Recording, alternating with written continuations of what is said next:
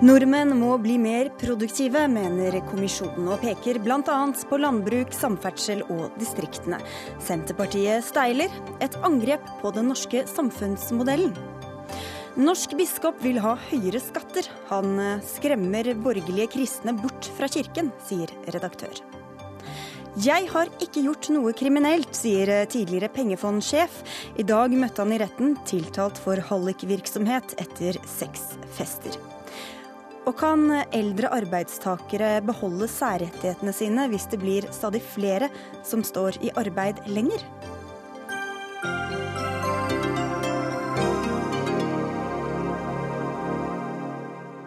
Det er altså ett av spørsmålene Dagsnytt 18 stiller i dag i NRK P2 og NRK2. Mitt navn er Sigrid Solund. Likt eller ei, vi må bli mer produktive her til lands. Det mener i hvert fall Produktivitetskommisjonen, som ga den første delen av rapporten sin til finansministeren i dag. Nye næringer må overta når olje og gass ikke lenger blir vekstmotor for landet, og vi kanskje ikke får råd til like mye som før. For leder av kommisjonen, Jørn Ratsø, det kunne virke på framleggingen din i dag som om den norske staten har sløst bort eh, en del penger uten å nødvendigvis få like mye igjen for hver krone. Har vi det?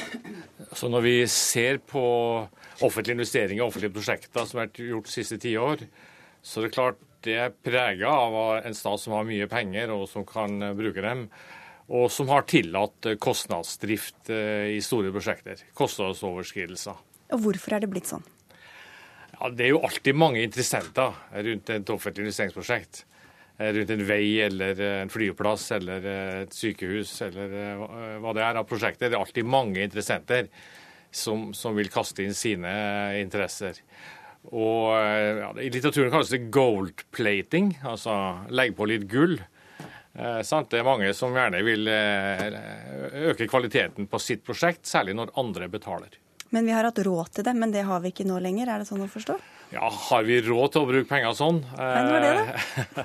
men, men eh, vi tror jo sånn bildet ser ut, så blir det strammere tider og nødvendig med harde prioriteringer uansett.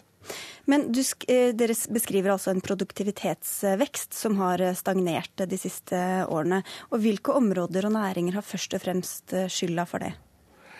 Ja, da vil jeg si at det store tjenesteytende næringa har hatt, stått stille i produktivitet de siste ti år. Og det er forretningsmessig tjenesteyting. Hva skal vi tenke på? Reisebyrå, vaktselskaper, bemanningsselskaper. Sånne tjenester som gjerne er tungt uh, sysselsettingsmessig, tungt uh, mye folk som ordner de tjenestene, og lite plass for teknologi. Uh, store tjenesteytende næringer vil jeg si er ho ho hovedproblemet. Så det er der man først og fremst må sette inn virkemidlene? Ja, så husk at 80% av folket som jobber, to millioner av 2,5 millioner som jobber, er i tjenesteyting, er i service. Så det er klart at hvis de får de tjenesteyting, både offentlig og privat, til å fungere bedre og hjelpe dem til å fungere bedre, så vil landet tjene mye på det. Det er altså 555 sider dere har levert eh, fra dere. Hvor mye av det er rene, objektive, faglige uttalelser, og hvor mye grad er det tolkninger, vektinger, politikk som dere har måttet enes om i eh, kommisjonen? Altså, Vi er jo et faglig utvalg, eh, så utgangspunktet vårt er å, å, å samle, skrape sammen materiale til å belyse produktivitet på de områdene vi tror det er viktig.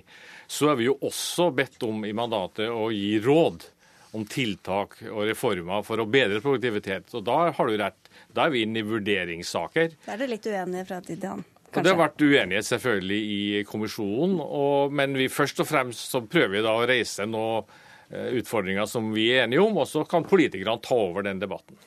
Da er vi over på deg, da, finansminister Siv Jensen. Det var en tung rapport eh, du mottok i dag. Eh, svarer den til det du hadde ønska deg da du satte ned denne kommisjonen? Altså, utgangspunktet for å sette ned dette er jo at vi ønsker å sikre eh, fremtidig velferd. Vi ønsker å sørge for at ikke bare vi som lever i dag, men også barn, barnebarn, oldebarn skal ha gode velferdsordninger. Eh, og vi står midt i en omstilling av norsk økonomi. Vi må rett og slett få flere bein å stå på.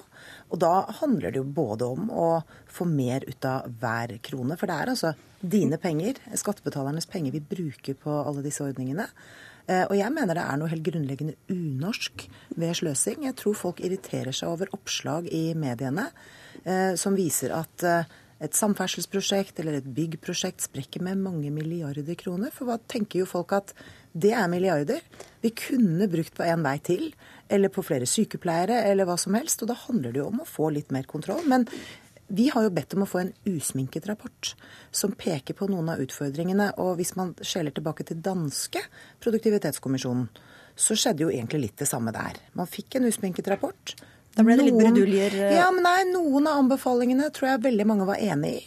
Mange andre anbefalinger skapte mye debatt. Og jeg ønsker jo en debatt. Vi kommer til å sende den ut på høring for å få en bred samfunnsdebatt. Men målet må jo være at vi skal fornye, mm. og ikke bevare alt sånn som det er i dag. Så du har kanskje ikke konkludert på hva du mener og er enig eller ikke av virkemidlene så langt utover det som allerede står i Fremskrittspartiets program eller Nei, altså, Regjeringens plattform er jo veldig tydelig på at vi skal gjøre en del reformer fordi vi ønsker å få mer igjen av hver krone. og Derfor har vi jo satt i gang med en kommunereform, med en politireform, med helsereform, med transportreformer, med store reformer av offentlig sektor, fordi det handler om bruke skattebetalernes penger smartere, få mer igjen for hver krone, mm. og sørge for at vi har gode velferdsordninger langt inn i fremtiden. Men da lurer jeg på, Ratsu, har norske politikere på tvers av partitilhørighet vært flinke til å tenke langsiktig og samfunnsnyttig og kostnadseffektivt, uavhengig av pressgrupper eller kortsiktig gevinst? La oss gi politikerne litt ros. Eh, Vi er en oljeøkonomi som har klart å holde orden på store oljeinntekter og plassere mye i fond. Jo, Men i alle de pengene vi har brukt uten å få penger igjen I de pengene vi har brukt, så, så kan vi jo si i ettertid at det er brukt mye investeringer som iallfall virker lite på produktivt. Og, og, eh, det er ønskelig med større produktivitet hvis vi skal forsvare det inntektsnivået eller utvikle det inntektsnivået vi har, og sikre de arbeidsplassene vi har. Sånn at eh, jeg tror eh, mer produktivitet er eh, nødvendig nå. Men kan du ta litt sånn selvkritikk på vegne av alle politikerne der, eh, Siv Jensen? Jo, men jeg, jeg tror vi, vi, må klare å gjøre to ting samtidig. For én ting er jo å få frem det som vi kaller for samfunnsøkonomisk lønnsomme prosjekter. Men i politikkens verden så handler det om mer enn det. Vi har mange andre hensyn vi skal ivareta. Vi er et langstrakt land, vi har en spredt bebyggelse. Det er ikke alltid sånn at vi fatter beslutninger fordi det er så lønnsomt, men fordi vi ønsker å oppnå andre formål. Det kommer vi til å fortsette å ville gjøre, av, fordi det er eh, viktig for oss i, i, Norge. Men jeg mener det er grunn til å, å diskutere det faktum at altså, Kommisjonen slår jo fast at vi bygger veier i Norge 60% dyrere enn i Sverige. Det er nabolandet vårt. Og selv om du korrigerer for at vi er et høykostland, så er det vanvittig mye dyrere. Og da har vi jo noen utfordringer som vi kan gjøre noe med. Da må vi slippe til eh, to andre her også. Mariann Martinsen fra Arbeiderpartiet. Du var redd for at dette bare ville handle om at vi må løpe mer eh, alle sammen, men du ble litt beroliget i dag? Ja, altså jeg mener at dette er et, et veldig interessant dokument. Eh, med forbehold om at jeg ikke har prøvd meg gjennom alle 550 sidene ennå, så produktiv er ikke jeg. Eh, men, eh, men, det ligger en veldig god situasjonsbeskrivelse til grunn her. Og det jeg er glad for, er at den ikke underbygger det krisebildet som man var i ferd med å å skape da utvalget ble, ble nedsatt av at, av at, produktivitetsutviklingen i Norge er, er veldig alvorlig sammenligna med landene rundt oss. Vi ligger ganske høyt, altså i verdenstoppen, eh, på produktivitet. Har hatt en noe avtagende tendens, i likhet med veldig mange land rundt oss etter finanskrisa. Og så må, må vi nå diskutere hva vi gjør med det.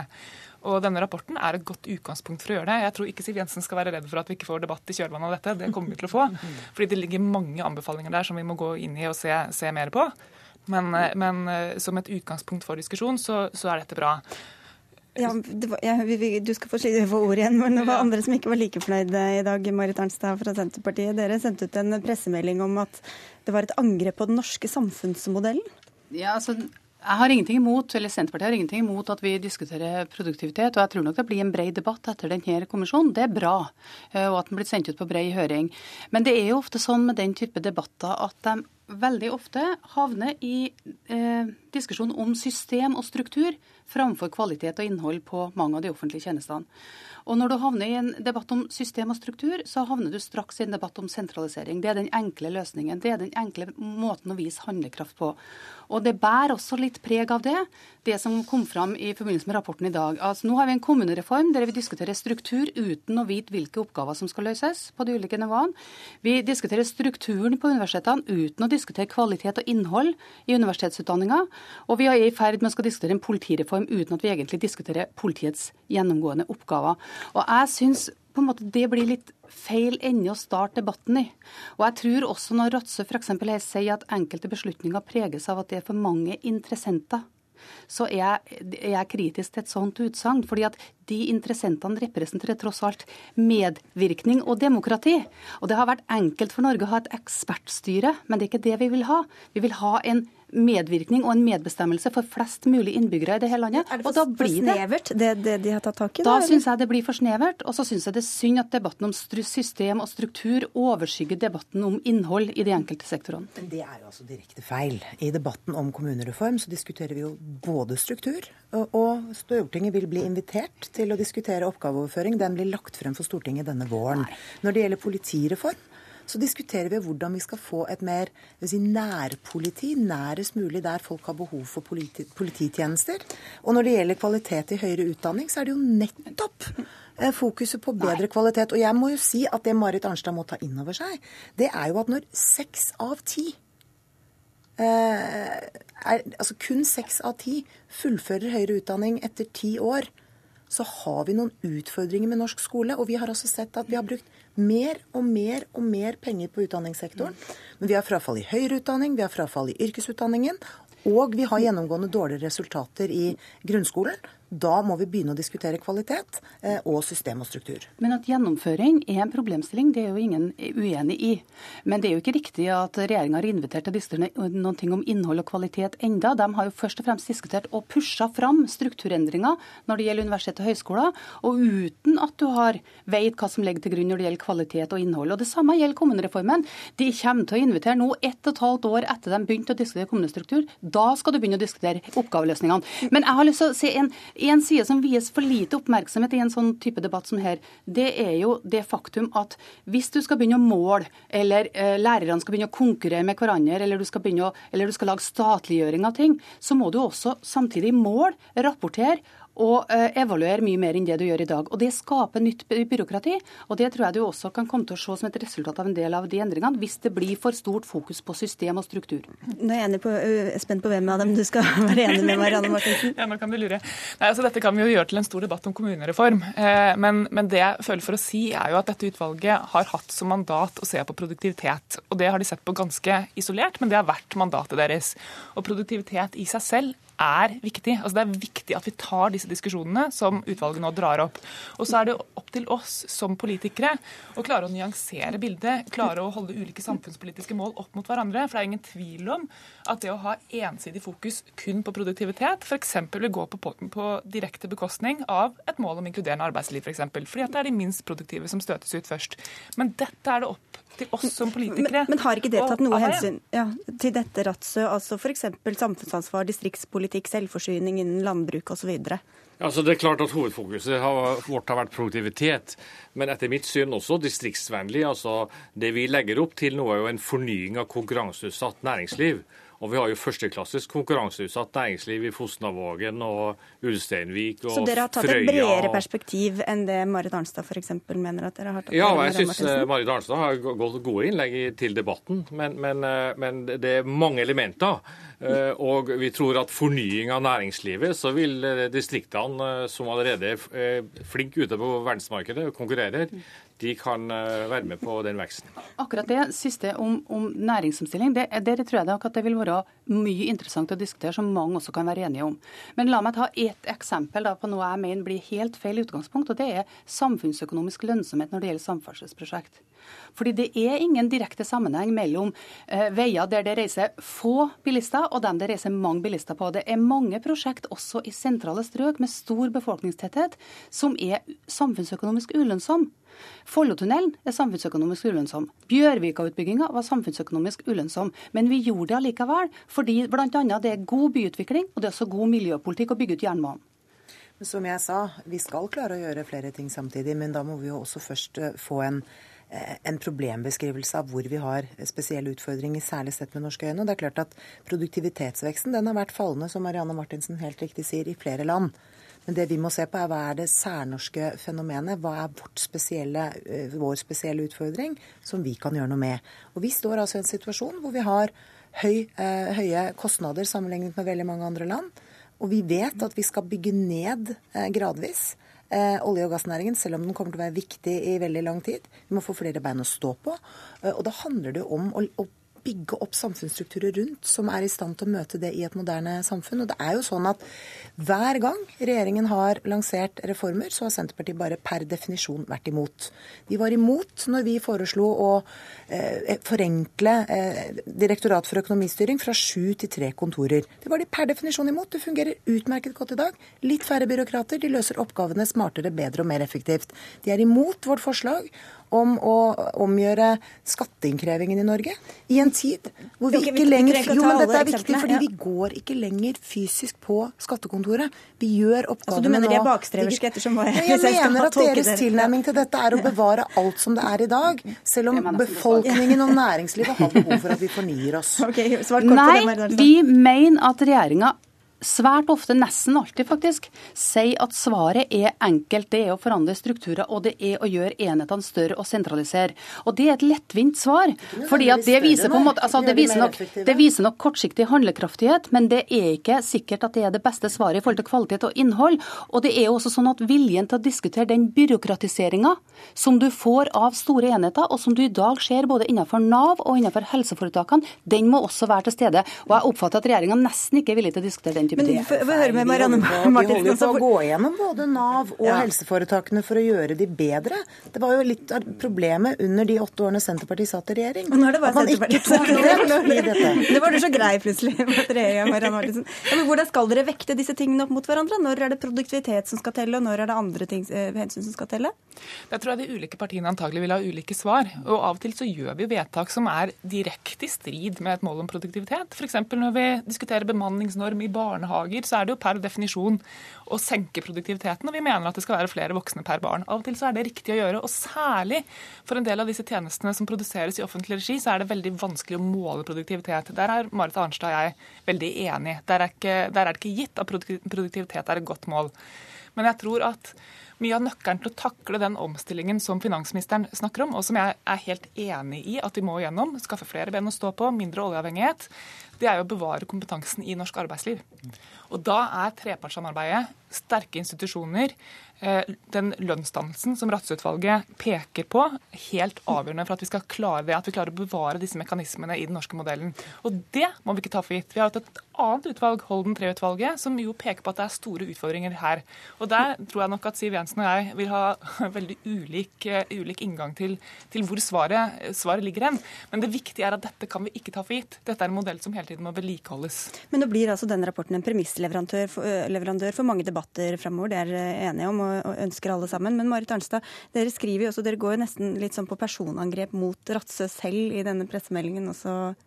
Ja, Det er ikke meninga. Men at, Nei, at han er for, for, stor for Norge? men vi er kritiske til en del av de vurderingene som blir gjort. Det er vi. Altså, fordi at Det gis jo også råd her, og det er vi, der er vi ganske kritiske. Det er vi. Men Det er lov å være uenig i de faglige anbefalingene, men å gå til det personangrepet som Senterpartiet gjør på kommisjonslederen, syns jeg er helt unødvendig. Hvis de vil angrepe noen, så får de ta meg. Ja, nå fikk jo ikke lytterne helt med seg hva det personangrepet var, men, men det var i hvert fall henviser til tidligere Nav-reform osv. som du har uh, utredet også. Men uh, vi får bare tenke at her blir det mange debatter uh, framover. Nå fikk vi liksom den store og den første her i Dagsnytt 18. Så skal vi slippe inn vår politiske kommentator også. Takk skal dere ha alle fire. Siv Jensen, Jørn Ratse, Marit Arnstad og Marianne Martinsen. Statsminister Erna Solberg kaller rapporten en god provokasjon som kommer til å løfte opp eh, viktige debatter i Norge. Nå har vi hatt eh, noe av debatten de siste 19 minuttene her i Dagsnytt 18. Lars Nehru Sand, politisk kommentator, hva tror du kommer til å skape mest debatt av alle de temaene som de da trekker opp? Av? Det er jo sentraliseringen som kanskje oppsummerer de 19 minuttene du har hatt i sendingen så langt, som, som også er det som, som, er en slags overbygning som nok vil eh, provosere mest. Eh, så hvis det er det du spør om blir debatten videre, så tror jeg nok det er noe av det som, som ligger til den konfliktlinjen det er med sentrum-periferi, som vi ofte er glad i å diskutere her i landet. Nå sa Ratsø at eh, han har levert en faglig rapport, og så er det opp til politikerne å vekte og ta andre hensyn. Hva kommer den til å få si i praksis, tror du?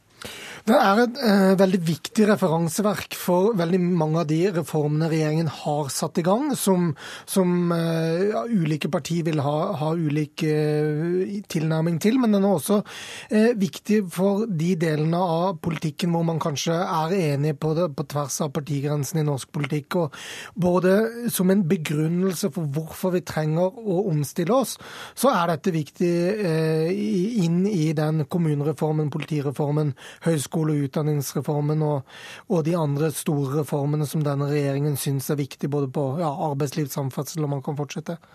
Og hva, Hvordan skal den da bli, bli omformet til, til praktisk politikk i, i årene som kommer?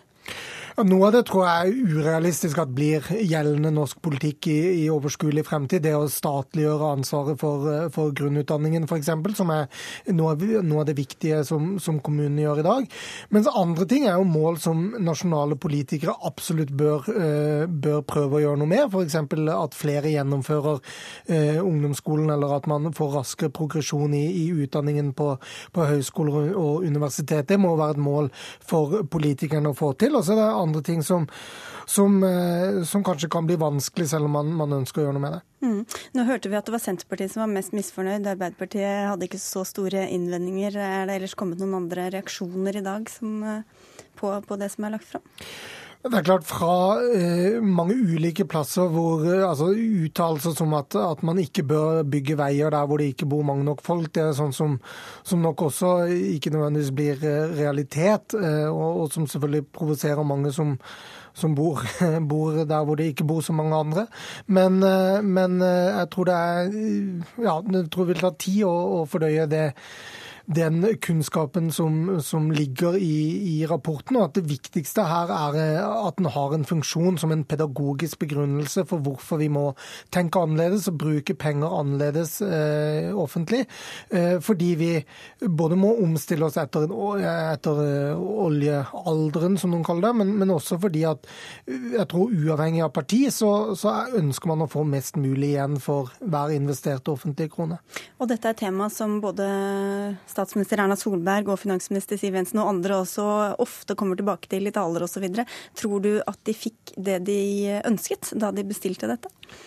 Ja, det tror jeg. For det første så svarer den ganske godt til mandatet, eh, syns jeg. Og så syns jeg den har eh, sider ved seg som fungerer inn i det eh, mer overordna bildet som regjeringen ønsker å tegne, og som handler om at både at vi må omstille oss, og også at, at man har denne, disse begrunnelsene som ligger i, i det utvalget kommer med her, som kan mer pedagogisk funke som, som en forklaring på at regjeringen gjør det de vil gjøre, spesielt på de store reformene som Høyre-Frp-regjeringen vil eh, gjennomføre i årene som kommer.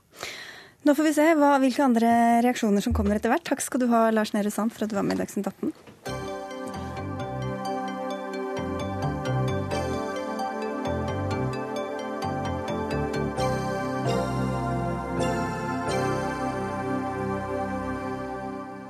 Jeg har ikke gjort noe kriminelt, sa Dominique Strauss-Kahn da han begynte forklaringen sin i retten i Frankrike i dag.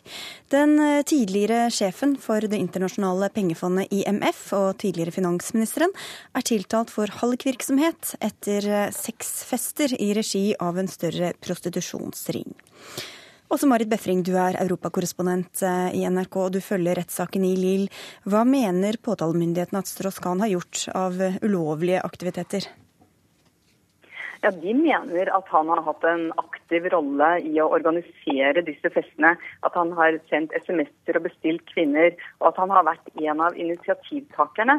Eh, og Prostitusjon i seg selv er ikke ulovlig i Frankrike, men du har ikke lov til å organisere og ha økonomisk fortjeneste på prostitusjon. Og Det er det de mener at de kan bevise at han har hatt ved at han har latt venner eller forretningsforbindelser delta på disse seks festene, som de kaller det, eh, og hvor han da selv ikke har betalt noe for det.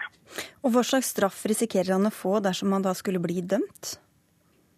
Ja, Hvis han blir dømt, dømt så risikerer han eh, opptil ti års fengsel. Det er det som er hallikparagrafens øverste. Eh, og, man må betale også, og han må også betale en, en klekkelig stor sum penger.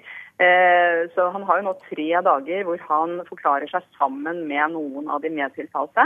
Og det er tre forsvarere som jobber for nettopp at han skal gå fri. Hva slags oppmerksomhet får denne saken i Frankrike?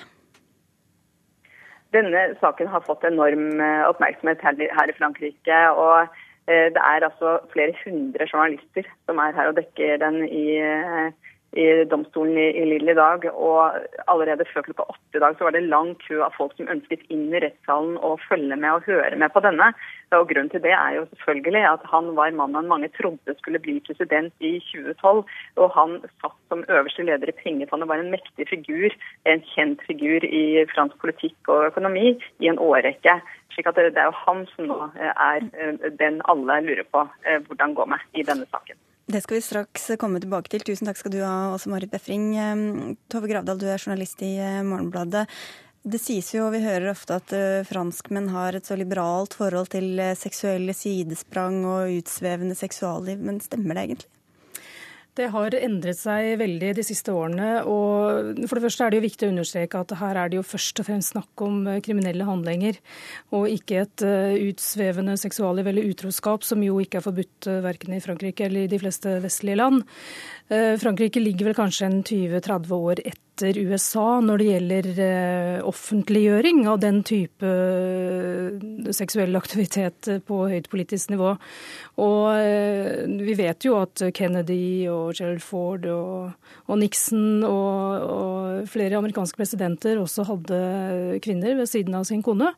Fra 1987 ble det et offentlig anliggende da Gary Hart ble felt på, ved, ved, at han hadde en elskerinne.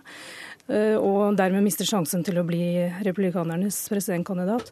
Det kom, har kommet i Frankrike også de siste årene, og det var jo særlig Hollands sidesprang som ble offentliggjort for litt over et år siden, som virkelig fikk dette ut i det offentlige, også i Frankrike. Så nå tror jeg langt på vei det er slik i Frankrike også som, som, i mange andre vestlige land at utroskap er ikke spesielt fremmende for din politiske karriere. Men i, det blir litt mer moralske i Frankrike? Også. Ja, man syns kanskje at det er litt uh, dumt. Og det har jo med kvinnefrigjøring å gjøre, selvfølgelig, da med likestilling å gjøre. Altså, Valerie Trierweiler, som ble dypt sveket av Francois Hollande, hun skrev en bok, og det, blitt, det var årets bestselger i Frankrike i fjor. Og, og, kvinnene stiller opp og er solidarisk med henne. ikke sant? Det er jo forferdelig at en mann kan behandle en kvinne på den måten. Og det er kommet mer og mer i Frankrike nå også. Det er, det er et, et, slags likestillingsideal, da, kan man si. Men i, i Dominic Strauss tilfelle, alle har visst, eller mange har visst, at han har holdt på med, med, kvinner ved siden av ekteskapene sine i alle år. Men i dette tilfellet er det også grov kriminalitet det er snakk om, og det er jo noe helt annet. Mm. Men hvordan, eller hva kan du si om ham som, som person gjennom den karrieren han har hatt? Han er jo en ekstremt interessant person, og franskmenn har et veldig schizofren forhold til han. Jeg jeg sitter akkurat og ser på en meningsmåling som ble tatt opp siste uken i januar, i forkant av den rettssaken, som viser at nettopp franskmenn er veldig veldig delt i synet på ham. Et stort flertall mener at han er, han er en briljant økonom. Og, og, som politiker så lå han jo mer til sentrum enn en Hollande har gjort. Han var en slags Jens Stoltenberg i det franske sosialistiske partiet, og, og ville kanskje raskere ha ført Frankrike inn i en økonomisk eh, politikk som kunne vært bedre for Frankrike enn den politikken som Hollande har ført. Han var jo aktuell som presidentkandidat og, ble felt eh, og ødela sine muligheter for det ved å bli, bli fengslet i USA for å anklaget for å ha voldtatt en kvinne. Ja, for det, Hvordan endte den saken? Det var en stuepike som, eh, som anklagde ham for å ha voldtatt henne ja, Men, mens de, han var sjef for eh, pengefondet? var det ja, så? Ja. ja. og han, eh, han, ble stoppet eh, på flyet på vei tilbake, på vei til Frankrike og påsatt håndjern og, og ydmyket på det verste, som han selv sa til franske medier senere. Den saken endte i forlik, og så det er jo Vi vet jo ikke, det er ikke felt noen dom over om han faktisk voldtok henne. Men eh, den felte han jo eh, som eh, en av verdens mektigste menn, som direktør for pengefondet. Og så kom denne saken. Først kom det en voldtektsanklage i Frankrike også, og så kom denne saken med hallikvirksomheten i, i Lille. Så det er altså flere saker, og noe av det er jo rent hva skal vi si, som du var inne på, rent sex, og annet er mulig ulovlig virksomhet. Men hvorfor har han ikke lært av de historiene som han har vært gjennom? Det syns jeg er kanskje det fascinerende med denne historien, og som går inn i et mønster vi har sett i Frankrike over flere år. At det er en eh, jeg vet ikke om det er en særfransk kultur, men det er i hvert fall en mye sterkere kultur i Frankrike enn her i Norge. At eh, flere toppolitikere føler seg overraskende hevet over loven. Det er helt fascinerende å se. Det gjelder eh, Nicolas Sarkozy, det gjelder Hollande, det gjelder politikere som er blitt felt faktisk for ulovlige forhold tidligere. Senest for to år siden eh, landets budsjettminister, som skulle være med på å føre fransk økonomi inn i et godt spor, og som da selv ble avslørt for å ha en hemmelig konto i Sveits som han ikke skattet av. Altså det er, hadde noe slikt skjedd i Norge, det hadde jo vært fullstendig ødeleggende. Og politikere med ambisjoner her i landet, de passer jo på fra tidlig alder at jeg må holde min sti ren, for det kan bli brukt mot meg. Sånn har det ikke vært i Frankrike. og eh, altså Sarkozy er jo fortsatt under etterforskning for å ha eh, hatt snusket til seg penger i valgkampen, presidentvalgkampen i 2012. Han aspirerer fortsatt mot å bli presidentkandidat igjen om to år. Alain Juppé, som også er en aktuell presidentkandidat om to år, han er faktisk dømt for å ha har drevet med ulovlig partifinansiering, men det er ikke diskvalifiserende. Og de selv mener ikke at det er diskvalifiserende. Nei, For det kom også litt til uttrykk da han forklarte seg i retten i dag? Definitivt. Og Dominic Strauss-Kahn er, er, absolutt et produkt av denne samme politiske kulturen. Men så har det vært å legge til at uh, til tross for at disse mennene, det er ofte menn, fortsatt er ganske populære på målingene, så er det også viktig å legge til at det er en fryktelig utbredt politikerforakt i Frankrike. Så det er klart at disse historiene er med på å undergrave tilliten til politikerne. Og om man blir dømt eller ikke, det får vi ikke vite før om en stund. Det er vel ikke, jeg vet ikke når det Slutten av måneden. vi snakker. Ja. Takk skal du ha, Tove Gravdal, for at du kom til Dagsnytt 18.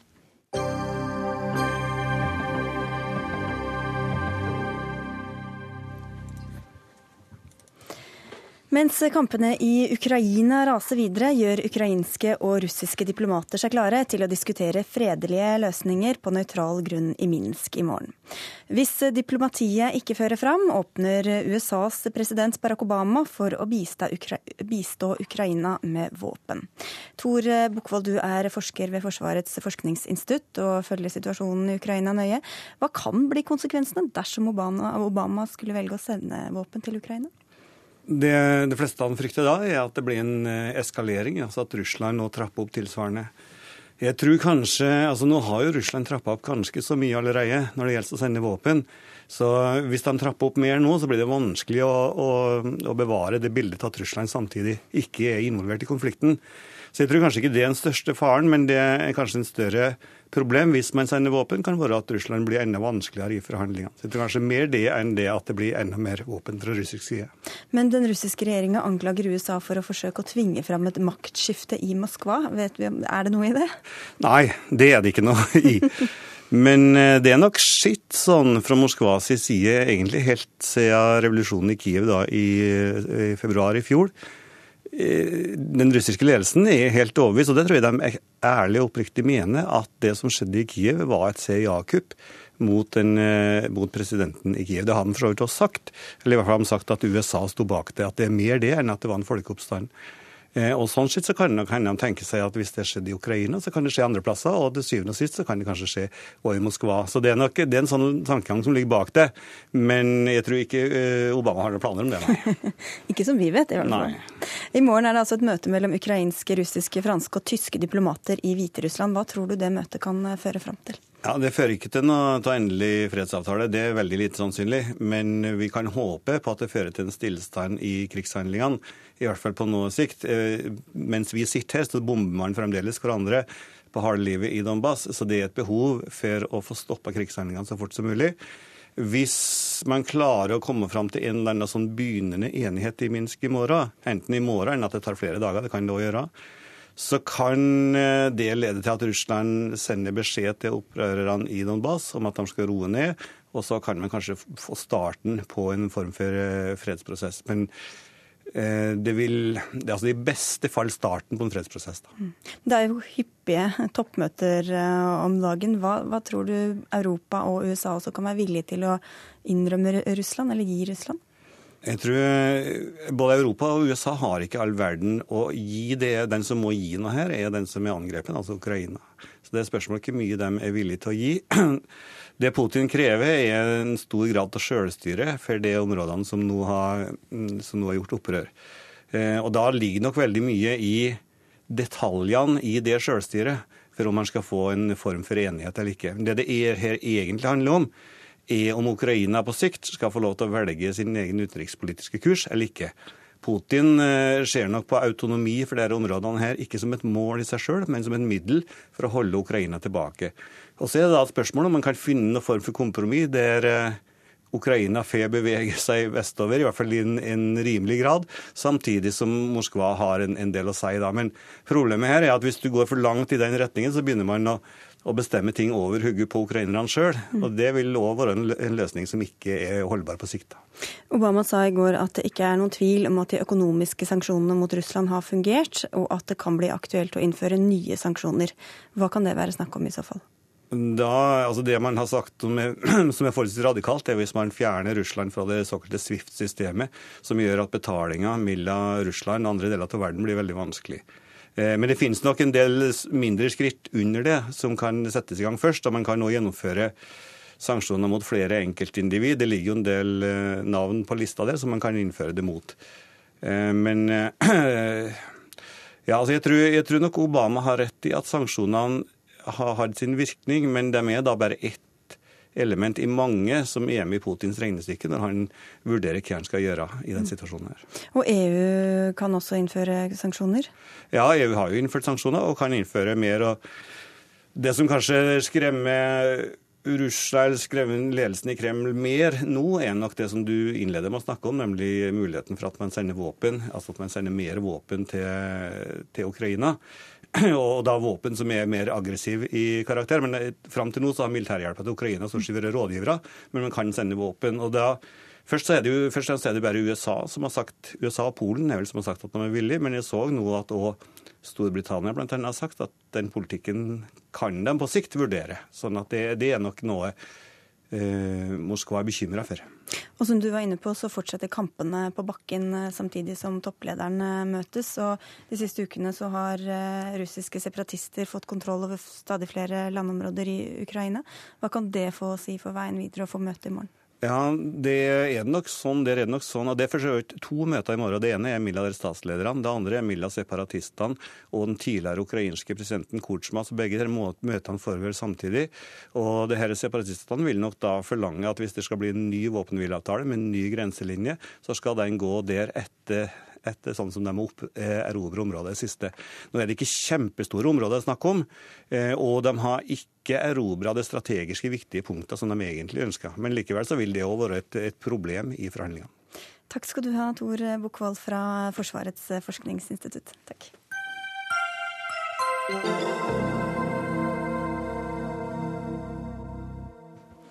Forskjells-Norge er tema når biskopene i Norge møtes denne uka. Og debatten om hvor politisk den eh, norske kirka kan være, har blusset opp etter bispemøtets innledningsforedrag i Oslo domkirke.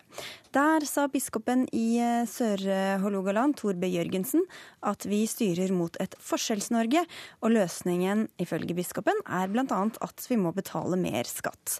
Denne blandinga av kirke og politikk fikk en del til å steile, deriblant deg, Vebjørn Selbekk. Du er sjefredaktør i den kristne avisa Dagen. Du går så langt at du sier at Jørgensen skremmer borgerlige velgere bort fra kirka. Hvordan gjør han det? Ja, altså for, La meg først si at Det er jo noe forfriskende med, med frittalende biskoper også. da. Men uh, når det gjelder innholdet i det han uh, Tor. Jørgensen har sagt akkurat her, så uh, er jeg dypt uenig og også litt skremt.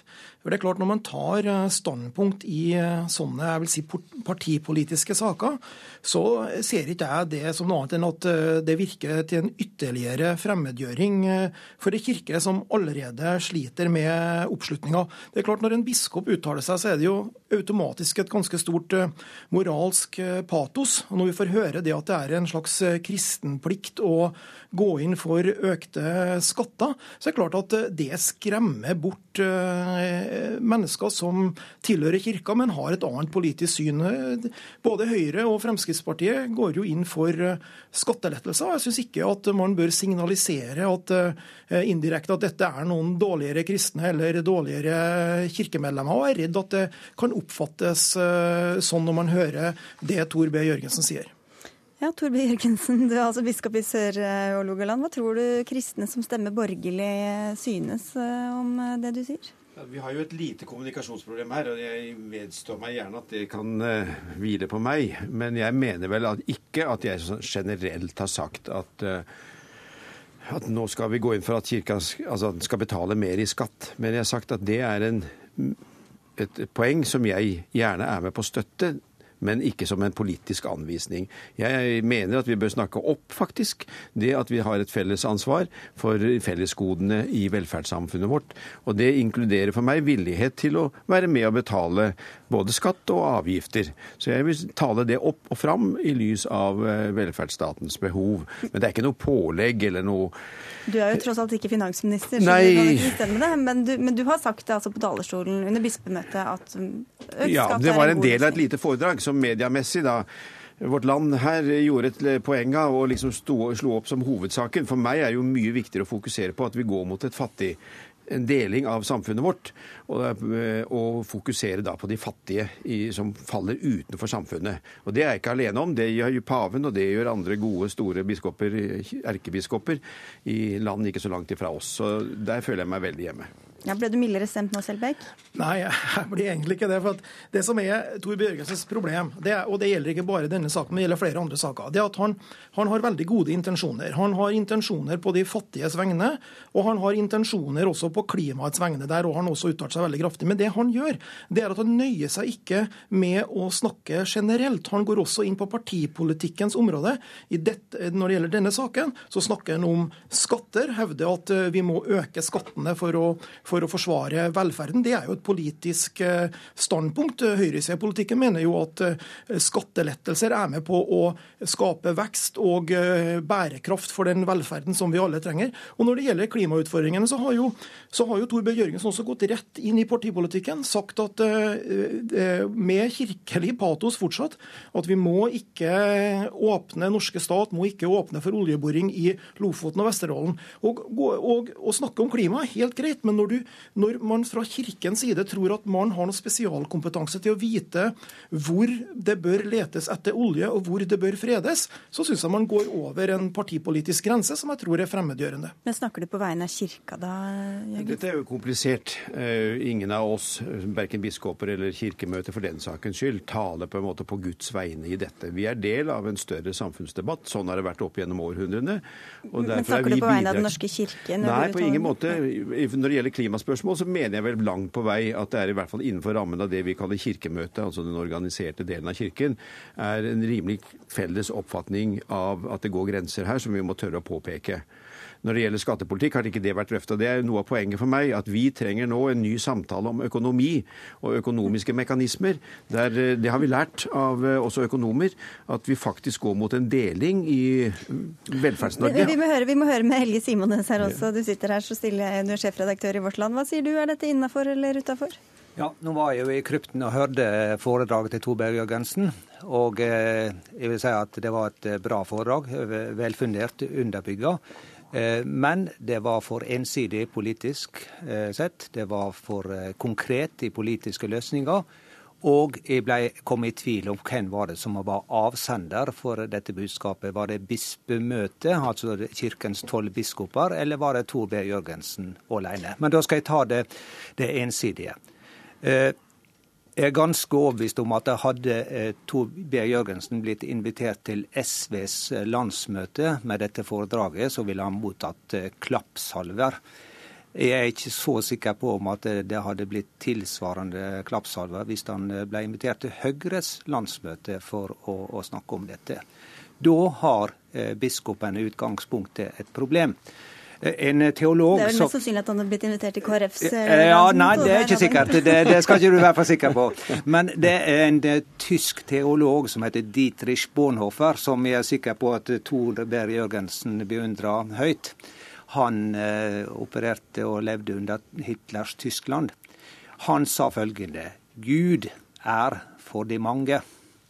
Eh, det fikk, eh, men det, den tenkninga hans fikk ikke konsekvenser på den måten at han utfordra den politiske makten. Han døde faktisk i Hitlers fengsel fordi at han utfordra makten. Men han sa likevel 'Gud er for de mange'. Og det mener jeg er, har betydning for hvordan kirka opptrer. Du må ikke opptre slik at du støter store grupper fra hverandre.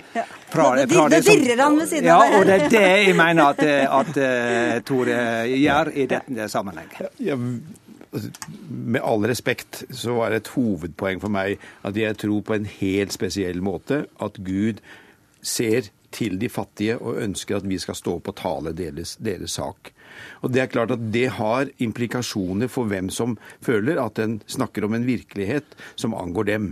Jeg sier ikke at Høyre som parti i Norge Nei, men Du går jo inn i ganske sånn hete partipolitiske jo, altså, men debatter. Å tørre å, si, altså, tørre å si at vi skal være med på å betale vår del av dette fellesgodet som velferdsstaten er, det anser jeg i og for seg ikke som veldig problematisk. Det er klart Hvis jeg begynte å sa at du skal ha sånn og sånn progresjonsskatt osv. Så ja, feil innretning på eiendomsskatten osv. Ikke sant. Hvis jeg går ned i sånne detaljer, så blir dette feil. Men det fellesgodet som vi har, og som vi da må være med å betale på, det mener jeg er riktig. Og utgangspunktet, og det er det som blir feil i denne diskusjonen, sånn som vårt land nå har valgt å fokusere akkurat på skattebiten, det er jo nettopp at det er de fattige vi skal være opptatt av, og, av, og det som nå skjer i ulikhetene i utviklingen i landet vårt. Men jeg må bare spørre deg, Selbekk, Hvor mye punch blir det i eh, budskapet hvis det er bare sånn helt eh, totalt abstrakt at alle må bry seg om de fattige, uten å komme noe inn på hvordan dette skal eh, gjenspeiles i det virkelige samfunnet og i vårt virkelige liv? Nei, men Det kristne budskapet er jo, er jo radikalt. Men partipolitikken må vi overlate til politikerne. Hvor går grensa der, da? Eh, nei, altså Jeg har også lest tilbake til stede i krypten, men jeg har også lest foredraget til Torbjørgensen, Og det var mer for å si det sånn, det var mer Piketty enn det var Paulus. Og jeg håper neste gang at det blir mer Paulus enn en Piketty, denne venstreorienterte franske økonomen. Vi må snakke mye om han her, men jeg må bare spørre deg også, er, det, er, det det politiske innholdet du er uenig i, eller er det det at det er politisk i det nei, hele tatt? Det må gjerne være politisk. og, og den kristne, der den kristne, Så legger deg på høyresida? Nei, absolutt ikke. Gjerne på venstresida også. Der den kristne etikken gir oss klare føringer når det gjelder menneskeverd, når det gjelder trosfrihet og sånne ting, som jeg også vil gi Tor B. Jørgensen honnør for at han engasjerer seg i, så er dette helt uproblematisk. Men på det partipolitiske området, dag-til-dag-politikken, klimautfordringene, hvor det skal bores etter olje, skattenivået, om det skal opp eller ned, der bør biskopene tie, etter min mening. Men Simones, du er litt uenig i begge her, fordi du ja, mener at det er greit å liksom tenke på miljøet i Lofoten og Vesterålen, men ikke skattenivået? Vi har nettopp bak oss en opphetet debatt om forbud mot tigging. Det er selvfølgelig en klart politisk sak, men det er også en klar moralsk sak, der det forventes at kirka skal ha syn på, på det, fordi at det går på en djup rettighet hos alle mennesker, nemlig til å be om hjelp når du har behov for det, og ikke forby det. Det er ingen nesten som tror jeg anfekter at en biskop står opp og sier at denne tiggelova, eller forbud mot tigging, er feil. Det er det, alle som, det aller fleste som syns det er OK.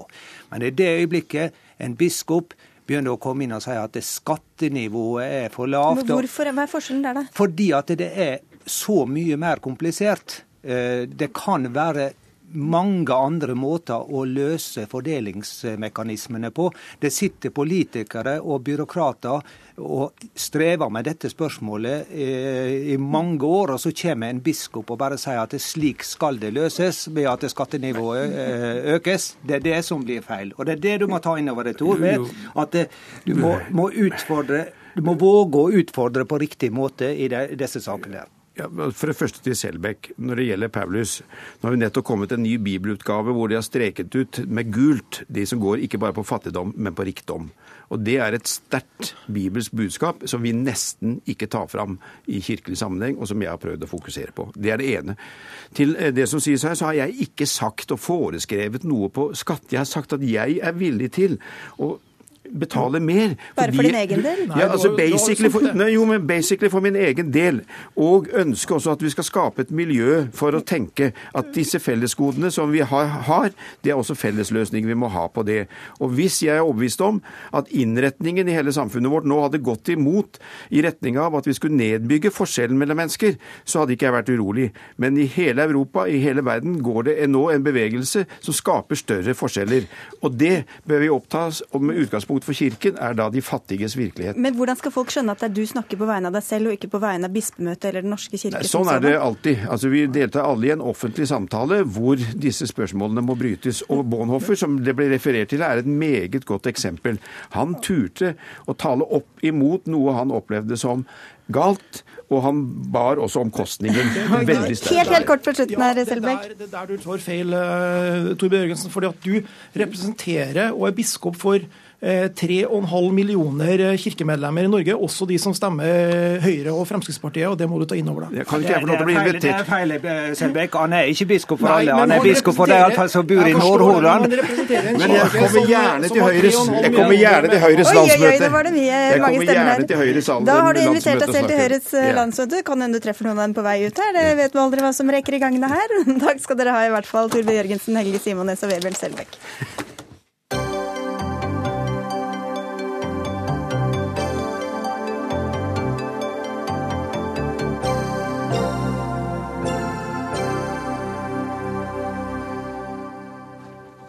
Det var ikke Høyre, men det var Frp som kom inn. Kanskje, kanskje det vanker en invitasjon der òg.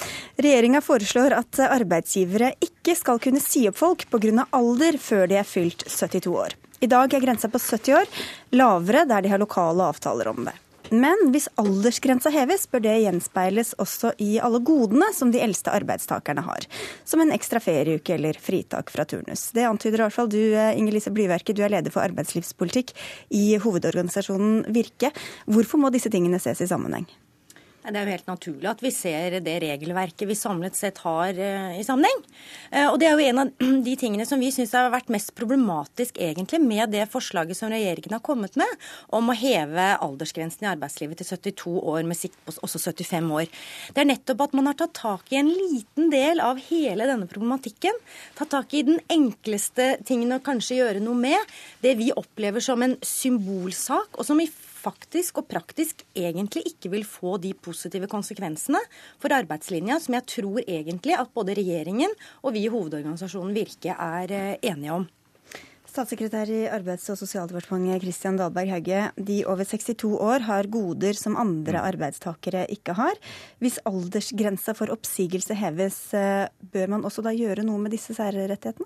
Altså det vi har sagt er at I første omgang så skal grensen heves fra 70 til 72 år, med klare føringer om at den skal videre opp på 75 år. Med føring opp til 75 år så vil vi nedsette et partssammensatt utvalg, hvor også arbeidsgiveren og arbeidstakersiden blir med å diskutere nettopp disse tingene. Men vi mener det det et riktig grep når vi går inn i en tid hvor vi både vil trenge arbeidskraft på den ene siden, og opplever at eldre arbeidstakere, flere av dem, vil jobbe lengre, ha bedre helse og ha et ønske om å stå lenger i arbeidslivet, da er det urimelig at vi skal opprettholde en 70-årsgrense som datostempler eh, mennesker ut av arbeidslivet. Men hva med disse særrettighetene som de har? Hvordan skal man da sammen, samkjøre disse tingene? Altså Det skal vi diskutere med partene når det er snakk om å øke grensen videre til 75 år. Men det er klart den hevingen fra 70 til 72 år mener vi ikke utgjør noen prinsipiell forskjell rundt disse tingene som tas opp her. Men hva mener dere det gjør da? Altså med, med viljen f.eks. til å ansette eldre arbeidstakere? Ja, Det er jo det som er vår bekymring, og som gjør at det, man ikke kan ta så lett på det som jeg syns statssekretæren her gjør. Fordi det er klart det er en del goder for seniorer som er ment for å lette arbeidsbyrden for dem og gjøre det attraktivt for dem å stå lenger i arbeidslivet. Det handler om eh, en ekstra fylt fylte, ekstra ferieuke ved fylte 60. Det handler om en redusert arbeidstid etter fylte 62, bl.a. Eh, og det handler også om at arbeidsgivere i Norge har en sterk tilretteleggingsplikt for de arbeidstakerne de har ansatt. Og den tilretteleggingsplikten er det ingen som har foreslått å gjøre noe med. Samlet sett så kan dette føre til at mange arbeidsgivere blir eh, engstelige for å ansette personer sent i yrkeskarrieren og kan altså føre til det motsatte av det vi ønsker, nemlig at flere står lenger. Og det blir ekstra paradoksalt, syns jeg, fordi det er altså ikke sånn at eh, problemet er de få over 70 som kunne ønske seg å jobbe lenger, men som ikke får det. det. Det, er ikke veldig mange. Det er ikke sånn at 70-årsgrensen i dag heller gjør at du må forlate arbeidslivet, men arbeidsgiver kan eh, si deg opp uten annen grunn enn alder. Men det største potensialet for arbeidskraft i Norge, den ligger mellom 62 og 67 år. Og da måtte man ta tak i langt krevende problemstillinger, nemlig forholdet mellom offentlig og privat sektor når det gjelder pensjon og særaldersgrenser, og også andre ganske store og viktige ting. Så arbeidsgivere risikerer altså å liksom bli sittende i gåstein med en del eldre som, nei, arbeidstakere som de ikke kan si opp, og som de må legge veldig til rette for, eh, og som koster mer da, fordi at andre må jobbe mer i stedet for. Ja, det, det, det er jo faktisk realiteten sånn som lovverket er i dag. Og det er klart at eh, krav om redusert arbeidstid eller lempninger i turnus, som du selv nevnte, vil jo føre til at belastningene veltes over på andre, eller at man må opprette flere mindre små deltidsstillinger. Som vil være, være i motstrid mot andre mål vi har, nemlig å, å, senke andelen deltidsansatte og øke heltidskulturen. Jeg tror ikke vi kan si at uh, disse tingene utløses ved at denne grensen heves to år, slik kan gjøres nå.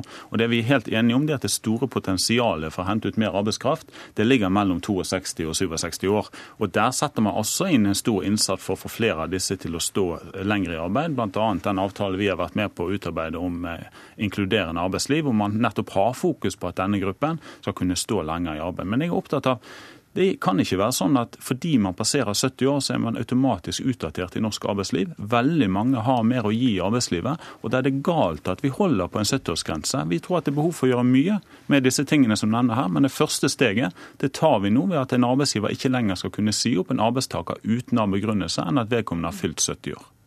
Men jeg tror vi må også være klar over at dette vil kunne føre til flere konflikter i arbeidslivet. En, en aldersgrense som den vi har i dag, fører til at arbeidsgiver og arbeidstaker avslutter et langt og godt arbeidsforhold i minnelighet, og uten at arbeidsgiver trenger å dokumentere at arbeidstakeren eventuelt ikke lenger klarer å yte det arbeidstakeren Det blir ikke så hyggelig før. når de skal begynne med det. Nei, det kan bli, faktisk bli langt verre. Og det å avslutte en yrkeskarriere på den måten, det er det vel egentlig ingen av oss som ønsker. Nei, men Vi er også kjent med at det er mange tilfeller i dag hvor 70-åringer blir eh, sagt opp mot sin vilje, som har mer å gi arbeidslivet, men man går fordi man fyller 70 år.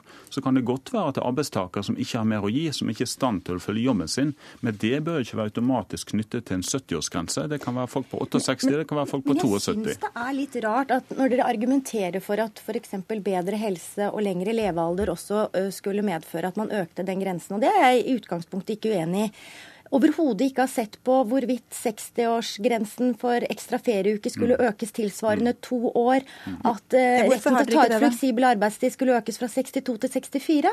Det ville jo vært en naturlig følgekonsekvens av det forslaget som Nei, dere altså, selv har fremmet. Vi har sagt at før vi tar steget opp til 75, så vil vi sette oss ned med partene og se på disse tingene. For det er helt riktig at Men hvorfor ligger... har dere ikke gjort det allerede? Det er fordi at vi mener det ikke utløser spesielle behov når det gjelder den hevingen på, på 72. Vi tror dette er usikret, og vi tror det at det ikke er prinsipielle endringer, så vi kommer bort inn med en heving på to år. Men før vi går til 75, så skal vi sette oss ned med partene og få disse tingene på bordet. Men Blyverket, hvor rettferdig tror du det virker for arbeidstakere som ikke bare får de beskjed om at ikke de er ønska på arbeidsmarkedet, de, kan, de får kanskje ikke lov til å jobbe så lenge de vil, og så skal de attpåtil miste de særrettighetene de har opparbeida seg?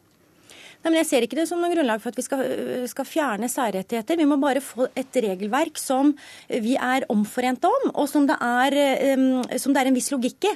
Og at Hvis det er sånn at du skal bli gitt anledning til å jobbe til 72 eller 75 år, så vil det også være under den forutsetningen at man ser for seg at man er eh, frisk og rask. Og da er det jo egentlig ikke grunnlag for å beholde retten til ekstra ferieuke ved 60. Blir det like fristende å stå lenge i jobb da, hvis du ikke kan ha, ha mer Nei, og det er nettopp den vurderingen, den helhetlige vurderingen som vi sier at regjeringen ikke har tatt, men som de burde ha tatt. Men så har vi også fått et nytt pensjonssystem som sier at arbeidstaker skal kunne tjene opp pensjon til de blir 75. Da det er litt urimelig å opprettholde en aldersgrense i arbeidsmiljøloven på 70 år som kan datostemple arbeidstakere ut fordi man fyller 70. Ja, men Den største utfordringen der er jo at man ikke har implementert pensjonsreformen i offentlig sektor. Og Det er der dere burde ta tak, jo, men vi må starte et sted, og vi gjør et viktig grep nå. Og så får vi ta debatten igjen når dere foreslår å heve den til 75. Takk skal dere ha i hvert fall for at dere kom til Dagsnytt 18. Kristian Dahlberg Hauge fra Arbeids- og sosialdepartementet og Inger Lise Blyverket fra Virke. For sendingen er over for i dag. Ansvarlig for den var Ida Tune Øresland, Finn Liv var tekniker, og jeg heter Sigrid Solund.